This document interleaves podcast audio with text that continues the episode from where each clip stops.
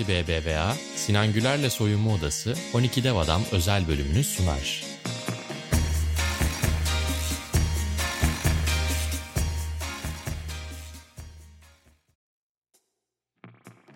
Soyunma Odası'na hoş geldiniz. Bugün çok özel bir konuk var yanımda benimle beraber. Kendisi Türk basketbolunun ikonu olmuş oyunculardan bir tanesi. Yetişmiş en büyük oyun kuruculardan. Yanlış değilsem de 6 seneye yakın hem milli takımlar hem kulüplerde beraber oynadığımız Ender Arslan'la beraberiz. Milli takımlar ve Türkiye ve Avrupa liglerinde bizi temsil ettiği 20 sene içerisinde sayısız başarıya ulaştı. Hem bireysel olarak hem oynadığı takımlarda.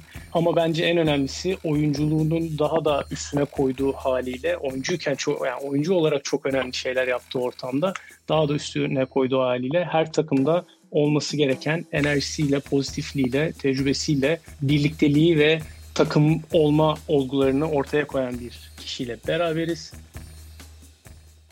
Ender Aslan 3'e 2 geliyoruz. Ender Aslan, Sinan Güler, Ender Aslan.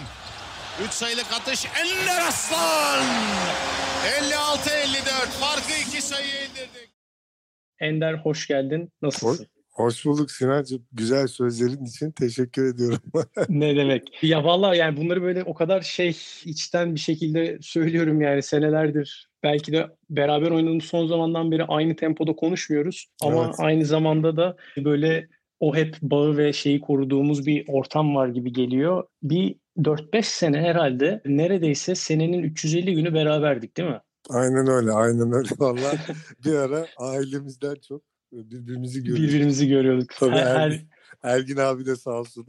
Kamptan kampa soktuğu için bizi bir ara eve gidemiyorduk. Eve, eve gidemediğimiz anlar milli takımda Bormio'da bitmeyen kamplarımız. Evet. Ve esasında bugün de çok fazla konuşacağımız bir döneme de dokunacağız bunlarla beraber. Biraz böyle senin hakkında araştırma yaparken de yani araştırma yapma gereği de hissettiğim belirli konular da oldu. Şu anda gördüğüm kadarıyla ligde 400'ü 400 maçı geçtin. Evet, öyle mi? Pa, pa, 400 maçı geçtin evet. Pandemi öncesi son oynanılan maçta 3500 sayıyı geçmişsin. Binden fazla asist yapmışsın. Türkiye liglerinde, Euro Lig'de de muhtemelen en çok maç yapan sporculardan bir tanesin. Türk sporculardan bir tanesin 15 senede. Ama her şeyden önce ilk sorum şu olacak. Sen o sene var mıydın? Erman'e de bu soruyu sormuştum. bu bizim klasik sorumuz. Çünkü farklı yıllarda, farklı takımlarda birlikte oynadığımız için e, bir yerden sonra tabii üstünden de zaman geçince kafalar karışıyor ve sen o sene var mıydın?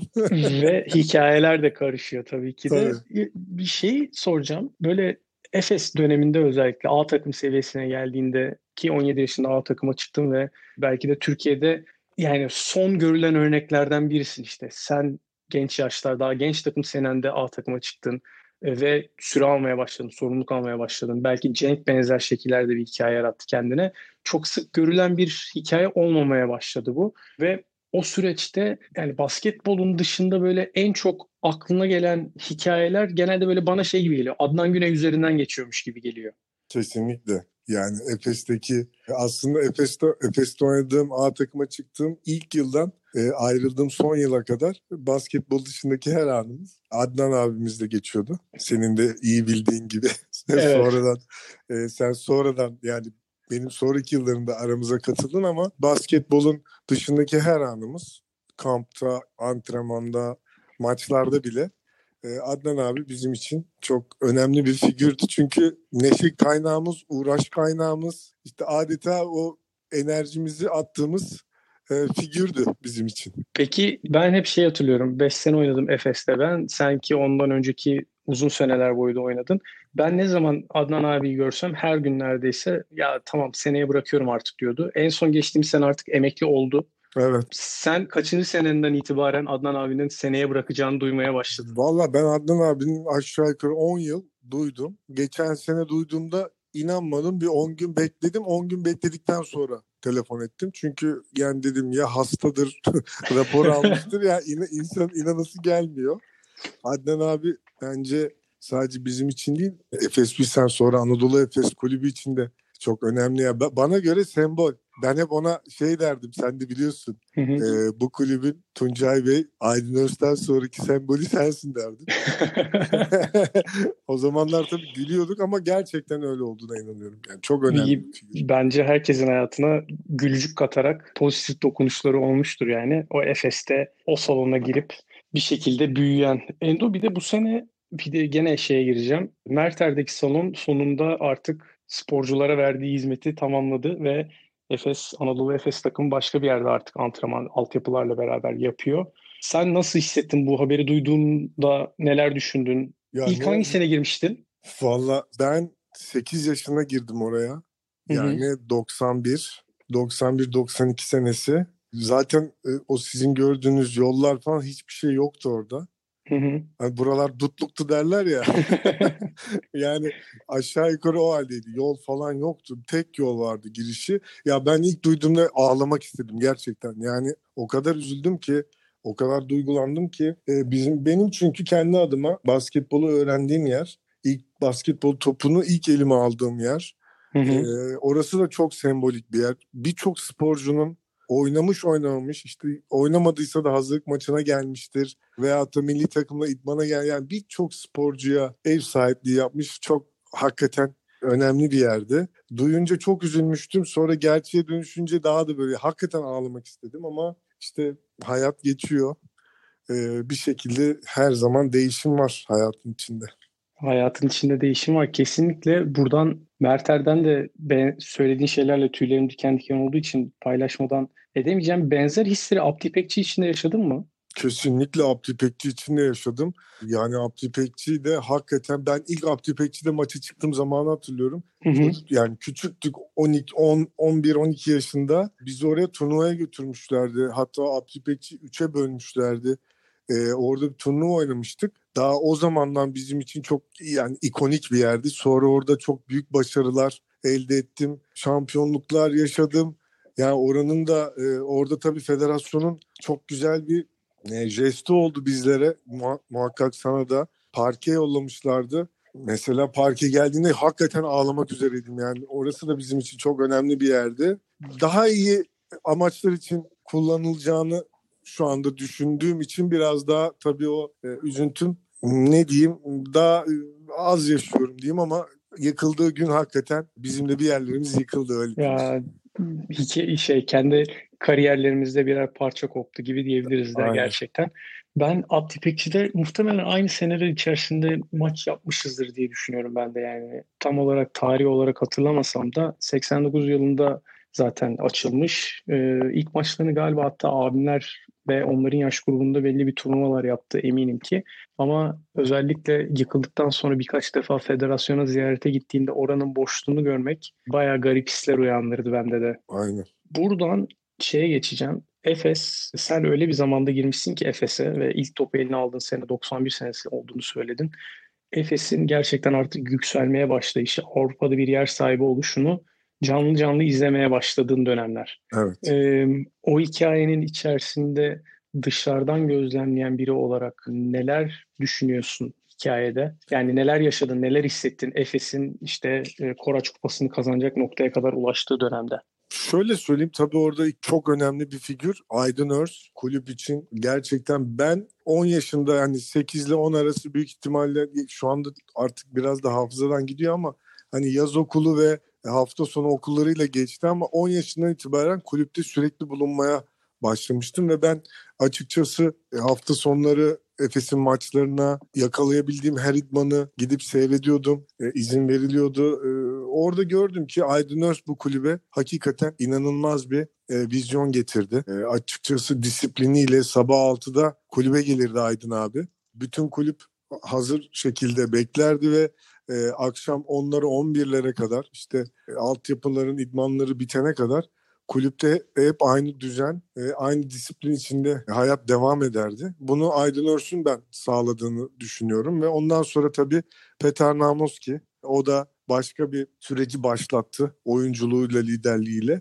Ee, yani zaten başarılı olan bir kulüptü Türkiye'de Efes ama gerçekten böyle takip edince görebiliyordunuz yani bir şeyler Avrupa'da e, gelecek gibi. Çünkü organizasyon gitgide büyüyordu ve e, kulübün içine görüyordunuz. Yani soyunma odaları, sponsorlar, işte Adidas'la anlaşma o zaman bunlar çok büyük şeylerdi. Hı hı. E, vizyon içine girdiği belliydi kulübün ve sonunda zaten ne olursa olsun bu işler böyledir. Her zaman bir yerde başlar biraz zaman alır ama sonra meyvasını toplarsın. Zaten o da e, 96 yılında geldi Koraç Kupası'yla. Peki bu organizasyon içerisinde biz antrenman yaparken hatırlıyorum altyapıların çok girmesine izin verilmiyordu ama siz altyapı oyuncuları olarak A takım antrenmanlarını izleme fırsatınız oluyor muydu? Ee, bize veriyordu. Aydın abi gerçekten e, şöyle söyleyeyim. İdman başladıysa eğer o kapıyı açmaya kimsenin cesareti yetmezdi. Ama idman başlamadan e- eğer salondaysan Aydın abi bizi çıkartmazdı. Ben de tabii sen de tanıyorsun uyanık da bir çocuktum.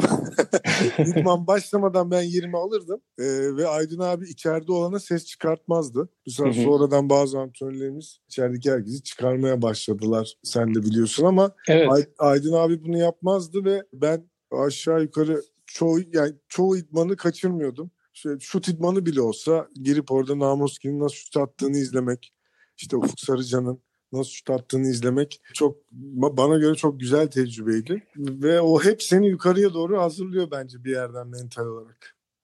Bu arada yani seni bireysel olarak kendi tarafından hazırlaması bir tarafa ama uyanıklığının bence insanlarda pozitif etkisini de gördüğüm bir ortam kesinlikle olmuştur. Yani Aydın abi seni orada her gün gör, gördüğü noktada belki de A takıma çıkma seviyende listede dezavantajların daha az gözüktüğü bir noktada gözüküyor olabilirdin gibi geldi Açıkçası bana. Açıkçası evet olabilir. Yani tabii ben bunu doğruya doğru ben onu onu düşünerek yapmıyordum. Çünkü daha o zamanlar ben A takıma çıkıp profesyonel basketbolcu olacağımı bile kendime söyleyemiyordum. Öyle bir tabii ki hayal kuruyorsunuz ama ne ne olup ne olup ne biteceğini bilmediğiniz için ama ben orada sadece meraktan ve işte o bizim için çok idol insanların orada antrenman yapmasını kaçırmak istemiyordum. Yani yapacak daha iyi bir işim de yoktu. E, ama dediğin gibi o büyük ihtimalle e, onlarda olumlu bir etki bırakmıştır. Yani bana öyle geliyor ve seni oyuncu olarak hazırlaması da çok önemli. Yani Türk basketbolun efsanevi sporcularını kendin söylediğin gibi izledin. Bir de belli bir noktadan sonra belki de onların yanında büyüyen işte bizim gene abilerimiz bizden bir jenerasyon büyük olan abilerle oynamaya başladığında da daha evet. kendini tanıtarak daha samimi olabileceğin bir ortamda Kesinlikle. buldun. Ya tabii bir de şöyle bir şey var. Sen de bana katılsın çünkü senin hayatında salonlarda geçtiği için e, ben mesela Kerem Tunçeri'yi duyduktan sonra ben Kerem abinin maçlarına gitmeye başladım genç takımda. Hı hı. Veyahut da mesela Mustafa abi vardı çok efsane oynardı Fenerbahçe'de. E, evet. E, altyapıda. Mesela onun maçlarına gitmeye başladım. Gerçekten maçlarını takip ediyordum. E, gidiyordum Cafera'ya gidip maç izlediğim vardır. Veyahut da Bursa'ya gitmiştik küçük takımda. Gençler turnuvasına götürdüler bizi Türkiye şampiyonasına. Cüneyt Erden'i gördüm. Aman Allah'ım yani onların ondan sonra o şampiyonada onların maçını kaçırmadım. Çünkü o, o insanlar o dönem A takımla idmanlara çıkıyorlar ve sana da bir yol gösteriyor bu. Ne yapman Hı-hı. lazım? Nasıl oynaman lazım? O yüzden şimdiki gençler tabii çok daha şanslı çünkü aşağı yukarı altyapı maçlarını bile online falan seyredebiliyorlar. Maç izlemenin, antrenman izlemenin o kadar önemi var ki iyi bir sporcu belki ileride profesyonel bir sporculukta size e, inanılmaz faydası oluyor. O yüzden şiddetle tavsiye ediyorum. E, zaman buldukları sürece maç ama antrenman da muhakkak izlemeleri gerekiyor. Oradaki ortamı o şekilde çıktığınız zaman çok daha hazır halde çıkıyorsunuz yukarı. Şimdi sizin Bursa'da var mı altyapıdan çıkan sporcu size beraber antrenmana? Bizde evet iki sporcu var. BGL takımından Aynen, geneliyle. BGL hmm. takımından. Bizde de geliyor. Onlara hikayeler anlatıyor musun? Ya yeri gel tecrübelerini. Yeri geldiği zaman anlatıyorum. Artık çok hikaye anlatmayı kestim Sinan çünkü çünkü çok yaşlanmış gibi oluyoruz. Zaten yaşlandık da. yani e, sürekli eski hikayeler anlatan abilerimiz de vardı. Çok da onlar onlar sorarsa merak ederlerse anlatıyorum ama ya, oturup da kendim yanıma çekip alın biz böyle böyle yapardık şöyle şöyle derdik falan demiyorum. Öncelikle ben hep şey onları merak etmesi gerekiyor. Ben hep şey diyorum. Ben sizin biz sizin zamanınızda gençken ne şiddetler görüp büyüdük. Siz Evet. çok şanslısınız diye anlatıyorum Onları ben de yeri gelince ben de anlatıyorum onları. yeri geldiği zaman şey yapıyorum. Ben de bahsediyorum eski anılardan. Şimdi sen özellikle e, işte Mustafa abi, Kerem Tunçeri, abimler, İTÜ zamanı Umut Tınay'la beraber Aa, Muratcan mesela Muratcan'ı ilk izlediğim zamanı hatırlıyorum. Ya gözlerime inanamamıştım. Sonra İTÜ'nün birçok maçına gittim. Umut Tınay, Muratcan ikilisinin. Ya Muratcan'ın mesela rebound'dan sonra oldu ve götürüp atmaları falan. Yani onlar çok yeni şeyler oluyor işte. Onları öyle görüp öğreniyorsun ve sonra sen Hı de yapmaya çalışıyorsun. Ona da geleceğim. Şimdi yapmaya çalışıyorsun. içerisinde taklit yeteneğine zaten birazdan gelmeyi düşünüyorum. Ama şey esas şeyi merak ediyorum ben. Bir böyle hep gözümün önüne şey geliyor mesela Mustafa ve Fenerbahçe. Fenerbahçe böyle neredeyse haka dansı kıvamı rutinlerle ısınırdı. Onu hatırlıyorum onların takımda. Savunma drilleri falan Evet, yaparlardı. evet. Çok iyi, çok iyi hatırlıyorsun. Aynen öyle. Bunu hatırladım böyle Mustafa abi gözümün önüne geldiğinde. Kerem abi zaten çok havalı bir insan. Evet. Şimdi de gör, gör yani sahada da duruşu bile şeydi orada böyle, böyle bir enerjisini hatırlıyorum çok farklı bir şekilde. Mesela Onlar aklıma geldi. Tutku'yu hatırlıyorum. Mesela ben Tutku'yu ilk izlediğimde Tutku açığı. Yani şu anki antrenörüm Tutku açığı. Hı hı. kafa yukarıda bütün sahayı öyle dolaşıyor. Mesela bana ilk kez görüyordum ben onu. Mesela ondan sonra ben daha çok dikkat etmeye başladım. Ya bunlar ya hatırlarsın değil mi Tutku Açık'ın nasıl E, aynen öyle. maçlarını yani kafa hep yukarıda şık diye pasları görmesi falan. Belki ben onu görmesem ona o kadar dikkat etmeyeceğim. O anlamda söylüyorum. Farklı sporcuları hep aynı sporcu da değil. Yani farklı sporcuları sürekli şekilde takip etmekte fayda var. Ya şimdiki tabii gençlerin şöyle bir şanssızlığı da var çocuklar Kyrie Irving'i, Steph Curry'i falan e, takip ettiği için ya onların yaptığını yapmak çok daha zor. Hı hı. E, direkt ondan başlamaya çalışıyorlar. Orada bir hata oluyor yani. Bir de burada bana şey gibi geliyor. Şimdi o basketbolu gördükçe Amerika'daki altyapı seviyesindeki basketbol, Avrupa'daki, Türkiye'deki basketbollar da biraz böyle sanki bireyselliğe çok daha yakın bir şeymiş gibi geliyor. Bizim o zamanlar izlediğimiz abilerimizin oynadığı basketbol çok daha böyle bir takım oyunu Kesinlikle. içinde barındır, barındırıyormuş gibi geldi. Kesinlikle. Kesinlikle. Sana şeyi soracaktım bir tek. Bizim genç takım senelerinde biz karşılıklı çok oynama fırsatı yakaladık aynı yaşta olduğumuzdan dolayı. Benim özellikle Beşiktaş senemde sen Efes'teydin. Ama bizden apayrı bir tempoda yaşıyordun. A takımda antrenmanlara çıkıyorsun, yeri geldi maça çıkıyorsun. Lig maçı önemli bir maç olmadığı sürece Efes'in genç takım maçlarında pek gözükmüyor gibi bir şey vardı. Böyle bir salonda bir şey beklerdik Efes'e maça çıkarken. Ender geliyor mu, gelmiyor mu? Ee, geliyorsa belki bir şansımız olur. Gelmiyorsa ama zaten 20 olur modunda bir hissiyatımız oluyordu hep. Sen e, bu tempoyu kaldırırken nasıl destekler gördün? Ailenden olsun, takım arkadaşlarından, antrenörlerinden olsun. Ya tabii fazlasıyla destek gördüm ailemden. Özellikle en büyük destekleri tabii ki e, yanımda olmalarının dışında hani o aralardaki yolları kat ederken her zaman en hızlı şekilde benim en az yorulacağım şekilde onları ayarlıyorlardı sağ olsunlar. Yani hep yanımdalardı o anlamda.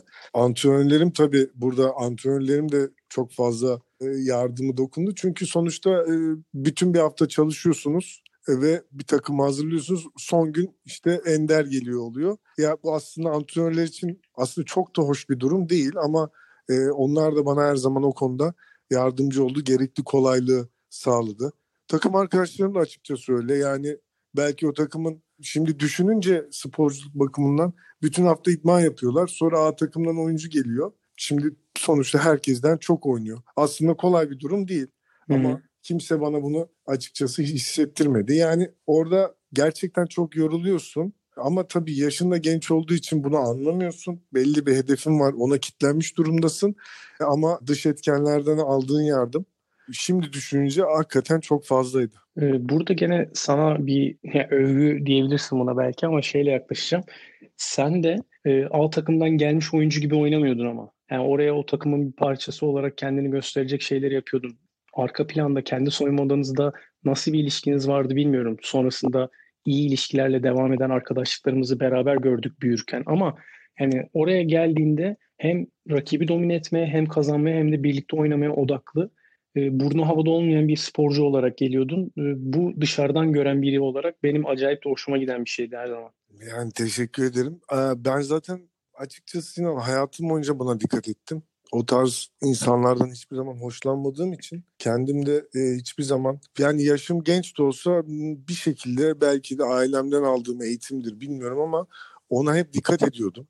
E, dediğim gibi çünkü işte bütün hafta antrenman yapan sporcular var orada. Kendi yaşıtlarım. Sonra sen gelip hem en çok oynayıp hem de işte havalı hareketler sergilersen e, onların sana karşı olumlu bir düşüncesi olamaz. Kim olursan ol, istiyorsan NBA oyuncusu ol. Ya ben her zaman takımdaşlığa, takım arkadaşlığına hep dikkat ettim. Ee, ama hep bunu hareketlerimle göstermeye çalıştım. Yani konuşmaktan çok. Yani ben biliyorsun Telekom'a gittim ikinci lige.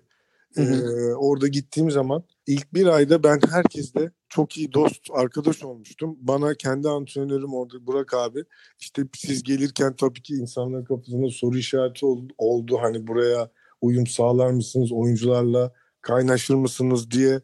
Çünkü sonuçta kariyerli oyuncularsınız diye ama ben zaten gittiğimin dediğim gibi daha ilk haftasında öyle biri olmadığımı, ona çok özen gösterdiğimi, dikkat ettiğimi ve ben buna sırf öyle olsun diye değil, ben zaten öyle bir karakter değilim. O kendiliğinden o şekilde gelişiyor olaylar.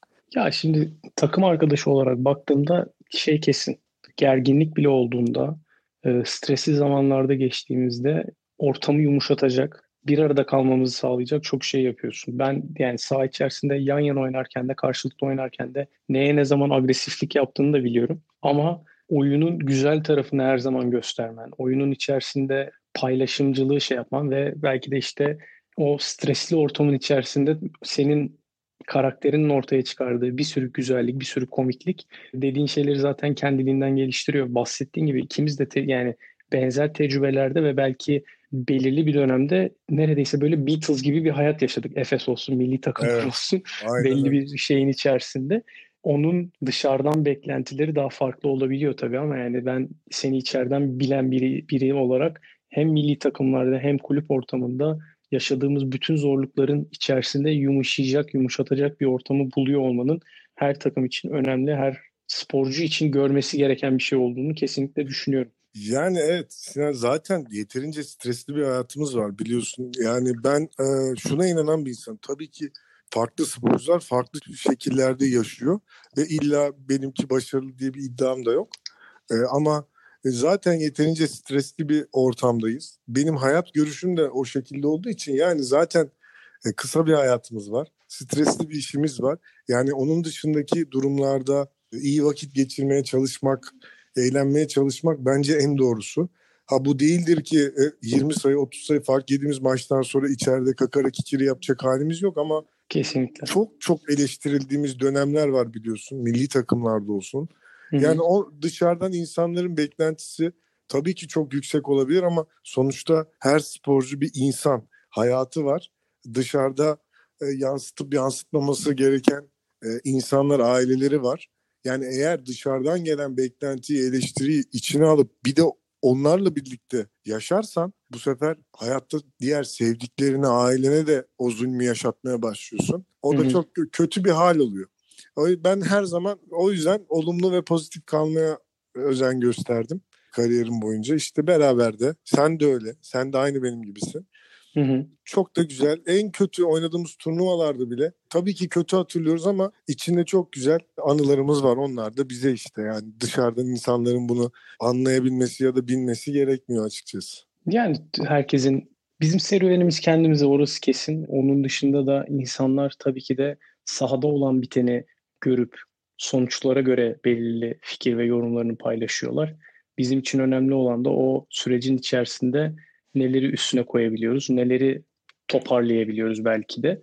Buna şöyle bağlayacağım birazdan milli takımlara geleceğim noktada ama kariyerinde bir seneni Avrupa'da geçirdin ve evet. aslında biraz böyle farklı gözükecek şekilde üç ayrı takımda oynadın.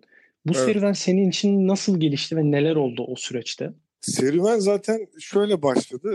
Ben Efes'te zaten iyi süreler alan bir oyuncuydum.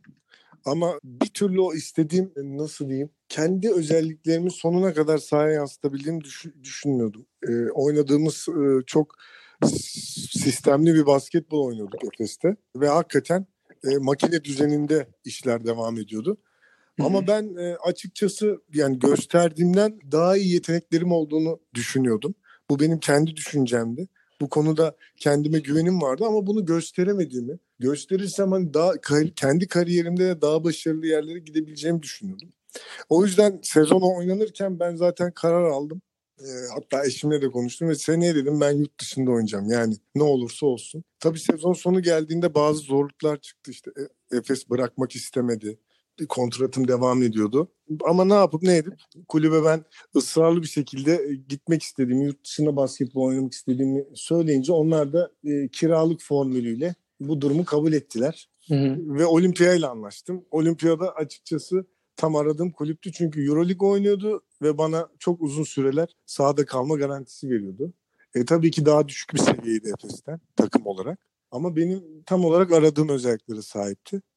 Şimdi tabii bir senede üç takım değişince bu genelde dışarıdan bakınca hani kötü hani kötü geçiriyorsun takım değiştiriyorsun kötü geçiyor takım değiştiriyor gibi oluyor ama benim serüvenimde bu tersi şekilde gelişti. Yani olimpiyada e, iyi bir ilk tur oynadık. O zamanlar Euroleague iki turdu biliyorsun. Önce ilk grup sonra top 16 sonra top 8 öyle gidiyordu. E, işte ilk turu e, biz önemli maçlarda kazandık.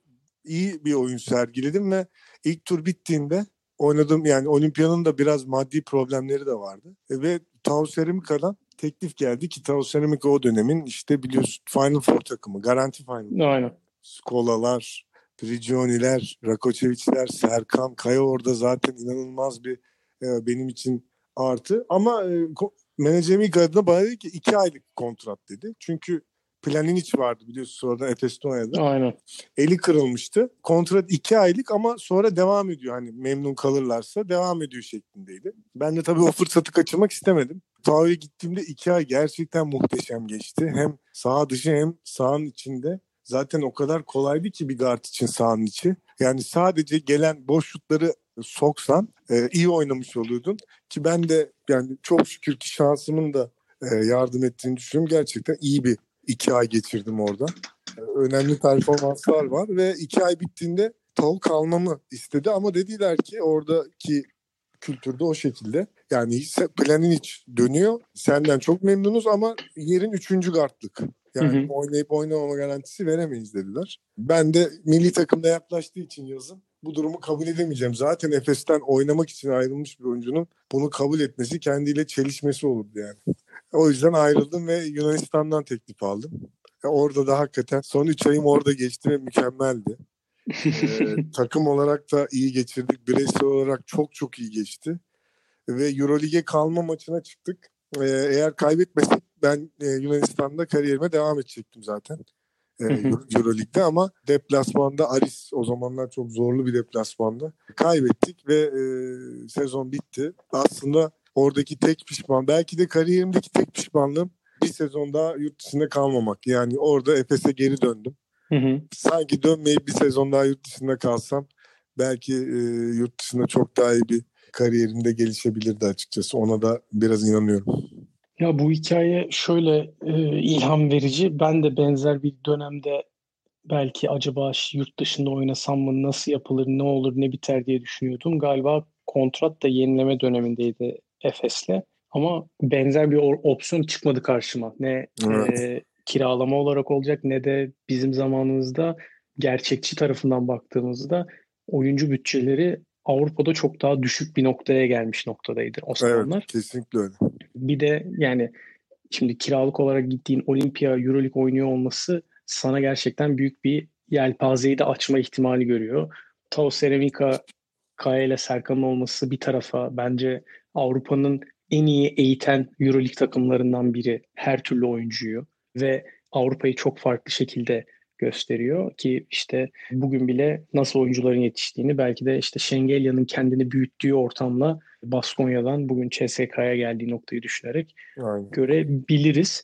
Ben artık milli takıma geçmek istiyorum ve e, 2010'a gelmeden önce sana şeyi soracağım. Milli takımların 2010 dönemine gelene kadarki süreçte de takımın bir parçasıydın ve evet. aslına bakarsan Tanyevic'in 2010'un takımını kuruyorum sürecinde o takımın evrimleşmesini izleyen bir sporcu oldun. Evet. İçeriden izleyen biri olarak. Sen bu izlem bu gözlemi yaparken neler net dokunuşlar oldu? Nelerin değiştiğini hissettin ya da bugün geçmişe doğru baktığında şu hamle çok iyi oldu gibi düşündüğün neler vardı? Çünkü turnuvalara bakıyoruz. Senin de oynadığın turnuvalara bakıyoruz. Belirli maçlar var. Çok güzel sonuçlar alınan ama bence bizim karakterimizde olan o bir üst seviye bir camı kırmayı beceremediğimiz bir dönem var. Onların hepsini yaşadığımız turnuvalar oldu orada. Senin içeriden biri olarak neler gördüğünü ben merak ediyorum 2010 sürecine gelene kadar. Evet yani ben 2003'te e, milli takıma girdim ilk. 2003'te İsveç'te Aydın abiyle. Ondan sonra 2004 şeyde e, elemelerde Tanyeviç geldi. Valla o süreci evet birebir. Zaten bilirsin Tanyevic'in uzun oyuncu hastalığı vardı. uzun guard oh. seviyor ama adam nedense benden vazgeçemedi. o kadar uzun guard, uzun guard. Her takımına beni aldı enteresan. Valla 2004'te başladı. Tanyevic çok değişik bir adamdı. Sen de biliyorsun. Gerçekten değişik gözlemleri ve değişik denemeleri vardı. Yani bütün Türk basketbolu zaten bunu bildiği için çok da gizlisi saklısı yok. Ya açıkçası 2004-2005 benim için kolay geçmedi çünkü zaten yaşım çok gençti ve özellikle 2005'te Avrupa Şampiyonası'nda oynadığım takım yani sağım solum her yerim yıldızlar. Hı hı. Ee, takımın gardı benim, bir gardı bir gardı Kerem abi. Herkes top istiyor.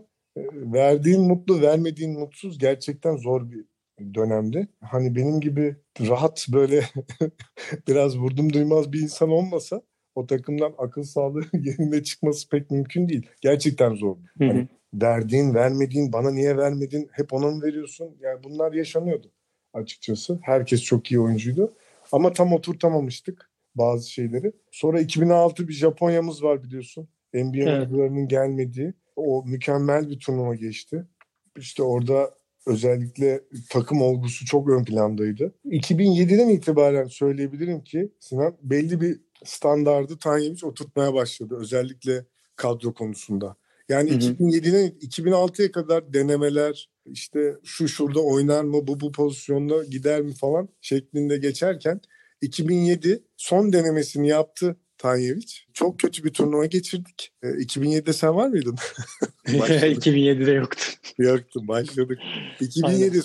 turnuvasından sonra e, bence Tanyeviç de kafasında bir şeyler oturttu ve belli bir kadroyu kurdu. Biz 2008'den itibaren yani 2010'a geliyoruz dedik açıkçası. Hatırlıyorsan evet. 2009 Avrupa Şampiyonası da çok iyi geçti bizim. Yani biz grubu namalip kapattık. İkinci grupta son maçta Slovenya'ya yenildik. Yenilmesek Yunanlarla oynamayacaktık falan filan. So, Yunanlara uzatmada gitti. Yani, Ki Yunanlara te, yani neredeyse tek topa gitti uzatmada gitmesin yanında. Aynen öyle ve ya orada şunu söyleyebilirim tabii federasyonun alınan 2006 hariç orada başarısız sonuçlara rağmen Tanyeviç'e olan güveni tabii oradaki nasıl diyeyim standardı da sağlamış oldu. Hani orada büyük ihtimalle başka bir federasyon sabır göstermeyebilirdi. Çünkü hakikaten 2005 ve 2007 çok kötü turnuvalar geçirdik. Ondan sonra da Tanyeviç'in doğru bir kadroyu bulması, kafasında şekillendirmesi diyeyim. 2008'den e, itibaren biz artık 2010'a e, geldiğimizde hatırlıyorsan gözlerle anlaşan, sahada konuşun derler basketbolda bizim. Biz konuşmasak bile kimin nereye gideceği belli olan, yani nerede ne reaksiyon vermesi gerektiğini bilen bir takım halinde zaten gelmiştik yani. Ki yani 2010 geldiğinde ki benim işte iki buçuk, buçuğuncu senem olsun yani. Çünkü bir Avrupa Şampiyonası elemeleri oynuyorum. Daha sonrası Polonya'da beraberiz. 2010 geldiğinde gerçekten sahada olan oyuncular setleri bilmesine ya da öğrenmesine gerek kalmadan oynadığı, savunmada ne yaptığımızı bilen bir ortam vardı. Milli takımlarda bunu yakalamak da çok zor. Tabii ki. Ee, 60 gün beraber oluyorsun sadece senede ve o süreç içerisinde toparlanıyorsun. 2010 e, hazırlık dönemini her zaman biz şey diye konuşuyoruz. Yani kötü geçen bir hazırlık dönemi. Çünkü maçları kaybediyoruz. Turnuvalarda istediğimiz evet. sonuçlar alınmıyor. Kötünün Zor bir süreç yani. geçiyor. Skandaldı. Almanya'da mıydı Finlandiya'ya karşı? İnanılmaz, İnanılmaz farklılık. Aynen. Ama her şey Ankara'daki ilk maçla belki de değişiyor. Rüzgarın değiştiği bir şey. Aynen öyle. Ama Şimdi, şey şeyi hatırlarsın Sinan yani kaybediyoruz. Müthiş bir eleştiri var. Ama yani biz içeride evet bir ara hatırlıyorsan hatta soru işareti bile oldu ya biz nasıl toparlarız acaba ama açıkçası yani birbirimize olan güvenimiz o kadar fazlaydı ki ya biz bu işi hallederiz'i çok net ben görebiliyordum takımda ki Ankara'da turnuvada başlamadan işte kaptanımız Hidayet Türkoğlu'nun hatırlıyorsun son bir toplantısı oldu sadece evet. oyuncular. Ya orada zaten fitili ateşlemiş olduk bence. Sadece hı hı. oyuncuların yaptığı o toplantıda. Ya orada o gün ben gördüm ki Ersan mesela çok konuşmaz biliyorsun. Ersan'ın yaptığı konuşmayı hatırlıyorum yani ne kadar birbirimize güvendiğimiz hakkında. Ya o zaman işte dedim ki ya zaten emindik de yine de o kadar kötü sonuçlar aldık ki insanın aklına bazı soru işaretleri geliyordu ama o, o toplantı bence e, her şeyi döndüren an oldu. Yani bir de normal şartlarda baktığında biz sonrasında ve öncesinde oyuncular olarak kendi aramızda farklı toplantılar da yaptığımızı düşündüğünde belki de kariyerimizde en pozitif etkisi olan toplantı olabilir o tarz. Aynen Birbirinin öyle. insanların kendi fikirlerini paylaştığı ve söylediği. Ben babamdan bile hikaye duyuyorum ki o hikayeler genelde daha da negatife sürüklüyor insanı. İnsanlar kendini açmaya çalıştığında gibi gözüküyor. Benim hep düşündüğüm şuydu. Senin de yıldızlardan sonra nasıl bir takım oluştuğuna dair. Bence herkesin 2010 takımı özelinde söylüyorum bunu tabii ki de. Herkes hem kendisinin hem yanındakinin ne yapması gerektiğini ve ne yapabileceğini çok iyi bilen bir takımdı. Aynen. Ve kimse fazlasını istemiyordu. Kesinlikle öyle. Ve yani... e, hatırlıyorsan aşağı yukarı artık öyle bir otomatik haldeydik ki ne zaman oyuna gireceğimiz mesela biz seninle beraber giriyorduk. Evet. Ne zaman oyundan çıkacağımız yani aşağı yukarı son 5 dakikaya kimin oynayacağı ya her şey o kadar belliydi ki takımda. Roller o kadar oturmuştu ki kim sahaya girdiği zaman ne tempo vereceğini, nerede ne yapacağını o kadar iyi biliyordu ki e, o sonuç gerçekten kaçınılmaz oldu yani. Ki bu arada turnuvada da şeyi düşünüyorum. Herhalde 3 tane kritik maç var bizim için. Yunanistan, Porto Rico, evet. Ankara'daki maçlar. Aynen. Ve Sırbistan maçı. Aynen. Geri kalanı böyle geri kalanı böyle su gibi akıp giden maçlar oldu hepimiz için. Geri kalanı ve neredeyse hepsi çok rahat geçti. Bir tek Porto Rico'yu şey şey diye hatırladım şu anda. Normal oyun düzenimizin dışında Tanyevic'in en sevdiği haliyle işte Kerem Gönlüm'ün 3 numarada oynadığı evet, durmadan evet. Posta Horns oynayıp Horns oynayıp postaba soktuğumuz Aynen şekilde öyle. yendiğimizi hatırlıyorum ama ya saha içi gerçekten çok konuşuldu. Ee, belki de yani işte en az konuşulan maçlar Yunanistan Porto Rico maçları. Ankara'da olan enerji ve benim hep hoşuma giden tarafı işte Ankara'da maçtan çıkıp otobüse binene kadar böyle yüzlerce imza verip bizi izleyen, bizi destekleyen spor e, spor severlere ondan sonra otobüse binip döndüğümüzü hatırlıyorum. Bir de nasıl başladığını sen benden kesin daha iyi hatırlıyorsun. Biz ne zaman Cem Yılmaz izlemeye başladık? Otobüste. Doğru. ne zaman başlamıştık ben de hatırlamıyorum. Aa, bak buna şaşırdım. Yani ben hep böyle maça giderken, maça dönerken... giderken izliyorduk onu. Ama bence ya... tu, turnuva yani o Ankara'ya gittik işte turnuva öncesi. Herhalde bir, bir hafta önce mi gitmiştik? Bir hafta önce gittik. Herhalde orada bir de World Cup oynadık. Ya World Cup'ı Ankara'da oynadık ya da nerede oynadığımız şimdi hatırlamıyorum. Orada Başka başladık yer... diye hatırlıyorum. Yani o haz, şeyde başladık. Ee, daha hazırlık için gittiğimizde idmanlara gidip gelirken izlemeye başladık. İzlemeye başlayıp oradan bence sahip olduğumuz en eğlenceli ve en rahatlatıcı rutinlerden birini hayatımıza eklemiş olduk. Nasıl Aynen. tutturduk onu da bilmiyorum yani. Onu o kim maçların açtı, ne gidişat... açtı? Evet yani ben de hatırlamıyorum ama sonra o zaten turnuvanın sonuna kadar 8 tur falan döndü o öyle. Ya, her türlü her türlü yani bütün maçları izlerken şeydi. Senin böyle buna benzer Cem Yılmaz şu an aklıma gelen şeydi ama ya benim ben... şey var o çok güzeldi yani e, iki tane olay var bu turnuvanın sağ dışı ile ilgili. E, bir tanesi Porto Rico maçı hatırlıyor musun? Üç sayı mı öndeydik? İkisi Ersan gelip erken bir üçlük attı. Evet. Sonra sokamadı Porto Rico son topu kullanamadı kazandık. Ondan sonra içeri girdik. İçeri bir girdim. İşte Tanyevic o masaj masasına oturuyordu. Yani kötü gözüküyor. Biliyorsun rahatsızlığı da vardı turnuva öncesi. Aynen. İşte, Koç iyi misin falan dedim ben. O ara işte bir, yiyecek bir şeyler falan verdik. Sonra Ersan'a dedi ki koç. Ersan dedi zaten hastaydım. Ömrümü kısalttın biraz da. 3 yıl mı kestin? 5 yıl hatırlıyorsan. 3 yıl mı kestin? 5 yıl neyse. Sonra Toplantı bitti. Ersan yanıma geldi. Tam böyle duşa gireceğiz. Ya dedi bir şey olmaz değil mi dedi. bir şey olmaz değil mi dedi. Çok çok üzülürüm. Vicdan azabı çekerim diyor. Yok oğlum bir şey olmaz dedim hocaya sen merak etme. bir de şeyi hatırlıyorsundur Sinan. O çok iyi hikayeydi. Ee, Fransa ile biz nerede oynadık? Çeyrek final mi bir önce mi? Çeyrek final. Ee, çeyrek final oynadık. Slovenya bir öncekiydi. Çeyrek finalde Sinan Erdem'de oynadık. Fransa ile oynayacağız. Maç toplantısına girdik. Fransa Sırbistan maçını izleyecektik. Hatırlıyor musun? Toplantı bir başladı. Tanyevic Teodosic'le bir başladı. Teodosic, Teodosic, Teodosic 25 dakika Teodosic'e Sonra da dedi ki ben bu Fransa için size hiçbir şey söylemeye gerek duymuyorum dedi. Toplantıyı bitirdi. yani biz yani Fransa maçı şey, e, Fransa maçına Teodosic anlatılarak hazırlandık. Biz Ama yarı final maçına hazırlanmışız. evet yani onu mu düşündük Hoca bilmiyorum ama e, ya işte o kadar takım gerçekten o kadar akıp gidiyordu ki bence artık o da çok müdahale etmiyordu. Şu an şeyi hatırladım ya 2010'da gene ya da 2011'de 2010'da 2010'da muhtemelen ya bir turnuvada e, şey öncesi Ankara'ya dönmeden önce bir maç toplantısında gene bir pozisyonu durdurup bir 4 dakika falan kendi kendine Sırpça konuşuyor. Evet ya evet evet. Sonra biz biz Sonra- demiştik koç no ne diyorsun falan. Ko galiba e, e, kaptan durdurmuştu diye hatırlıyorum ama bilemedim yani. Ne ne dediğini zaten şey ona da kızmıştı. Bir de anlamadığımız için.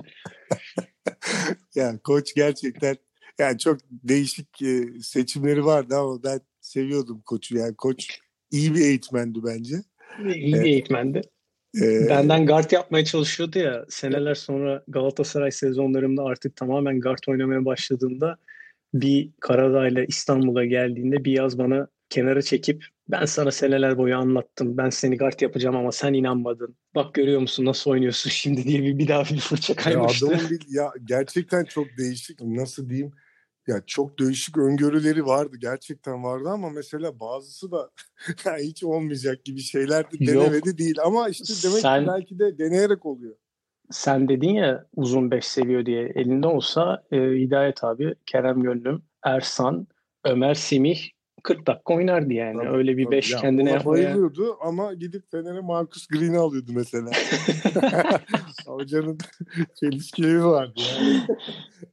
İstanbul tarafında aklına gelen bir şey var mı? Özellikle yani benim için en unutulmaz an Sırbistan maçını kazanmamız e, ve otobüsle 3 dakikalık otel yolunu bir buçuk saatte gelmemiz Evet. ve oteldeki heyecan, izdiham neredeyse. Ya Yani böyle üstünden 10 yıl geçmiş olmasına rağmen yani her her anını hatırlayabildiğim olaylar o işte maçın bitişi o sevincimiz işte otelle gidememi gidemeyişimiz hakikaten E, başka zaman bütün kariyerimiz boyunca yaşayamayacağımız ya, inanılmaz durumlardı. Bence her sporcunun da yaşayamayacağı az sporcunun yaşayabileceği durumlardı. Ya, bizim için her anıyla unutulmaz ya yani İstanbul tarafı turnuvanın e, olağanüstüydü yani. Olağanüstüydü. Her duyguyu en e, zirve şekliyle yaşadık orada. tüylerim diken diken oldu yeniden. Ya şeyi bir de düşünüyorum. Böyle yani evet az uyuduk, dinlendik. İşte sabah şut antrenmanına gitmedik. Muhtemelen 45 gündür ilk defa turnuva boyunca, turnuva hazırlığı boyunca ve maça çıktığımızda rakibi falan konuşmamıza gerek yok ya da belki bir gün 20. sene gelir, 15. sene gelir rakiple ilgili hikayeleri tekrar hatırlamaya başlarız ama ısınmaya çıktığımızda o kupa bizimle beraber sahada duruyordu. Ben onu böyle hatırlıyorum. Neredeyse dokunabileceğimiz mesafede duruyor ve her Evet. seferinde ona yaklaşıyoruz. Sonuçla alakalı çok bir şey söylemeye gerek yok ama kariyerimizin en güzel anı belki de sporcu olarak yani bireysel olsun, takım kulüpler olsun, milli takımlar olsun bizim adımıza ulaşabileceğimiz en yüksek noktaydı. Bunu Kesin. keşke olimpiyat ekleyebilseydik bir şekilde. Senle beraber Filipinler'de denedik onu ama Aynen öyle. Çok istedik yani bilmiyorum belki de biraz da ya, hak ettiğimizi de düşünüyorum. Çok emek verdik uzun yıllar boyunca. Ben de çok istedim gerçekten. Hı hı. Ee, ama bir türlü olmadı. İnşallah yeni jenerasyon bunu başarabilir. Ee, ama biz İstanbul yani biz o Türkiye'deki 2010'u yaşayarak bana göre yani Türk spor tarihindeki sporculara bakarsam en şanslı 12 adamdan biriyiz açıkçası. Yüzde yüz katılıyorum buna yani. Hele hele mesela şimdi ben kendi hikayeme baktığımda işte sen milli takımlarda sağlam bir yerin olduğu noktada ben daha Türk basketbolunda yerim bile yok gibi bir ortam var. Ve 2010 aslında bana istediğim bütün arenayı açıyor. Hissiyatını yaşıyorum her zaman için. Ve daha sonrasında beraber üstüne koyduğumuz ortamları da gördükçe basketbol olarak paylaştığımız şeyler olarak apayrı bir ortam yaratıyor. 10 sene geçmesine rağmen dediğin gibi yani bugün 10. senesini kutluyoruz. her anı rüya gibi gelen, her anı böyle aynı heyecanı yaşatabilen nadir bir dönemdi bizim için. O şansı da paylaşman, e, şanslı olduğumuzu paylaşman da önemliydi o yüzden. Aynen, aynen. Ender'cim, e, soyunma odasında hep böyle şey net ve böyle klişe sorduğum sorular var. Onlardan bir iki tanesini sorup e, bugünlük şeyimizi kapatalım. Çünkü çok konuşacak konu var seninle ve o Doğru. hikayelere daha da girmek çok isterim. Ama senin de zamanını almak istemem daha fazla. Bu sorulardan bir tanesi esasında ilham veren anlar, ilham veren işte müzik gibi şeyler. Biz biliyorum yani kendi kendimize hoparlörde açtığımız şeyleri düşündük, düşündükçe farklı farklı şarkılar gelebiliyor ama senin böyle ana odaklayan, maça konsantre olmanı sağlayan veya motive eden bir şarkı var mı hiç böyle? Bir, bir liste hazırlıyoruz biz burada. Bütün konukların şarkılarının olduğu. O listede senin de şarkının olmasını isteriz. Vallahi şimdi Sinan böyle spesifik şarkım yoktur benim biliyorsun. Dönem, Biliyorum dönemsel dönem değişir ama bugün bugün bugünlerinde var mı böyle bir şarkı ya da yani şimdi bizim... benim biliyorsun bir Justin Timberlake sevdam vardır yani. Dans hareketlerini hala bildiğin halimi, bildiğini bilerekten. Yani bildiği ama yapmaya çalışıp pek yapamadı ama olsun yine de denemekten vazgeçmediğimiz. Kesinlikle. Ee, yani Justin Timberlake'ten bir şarkı bana koyabilir ama şu an hakikaten öyle. Biliyorsun ben çünkü sürekli e, o dönem neyse onu çalardım. Şey yapardım. Senin gibi klasikçi de değiliz öyle sürekli aynı şarkılarımız da yok bizim. Ya, aynen. Ben o zaman senden Justin'den bir şarkı ekleyeceğim. Onu evet. onaylarız. O albüm o albümü de hatırlıyorum konserini Aynen. durmadan izlediğimiz. Yani My Love falan ekleyebiliriz ya. Tamamdır. En, en, en çok onu şey yapıyoruz. Peki senin için ki yani materyal başarının bir sürüsünü yaşamış biri olsan bile farklı bir yaklaşımın olduğuna da inanıyorum. Ee, başarının tanımı nedir? Başarının tanımı bence yani hayattaki başarının tanımı bence mutlu olmak, mutluluk. Hı hı.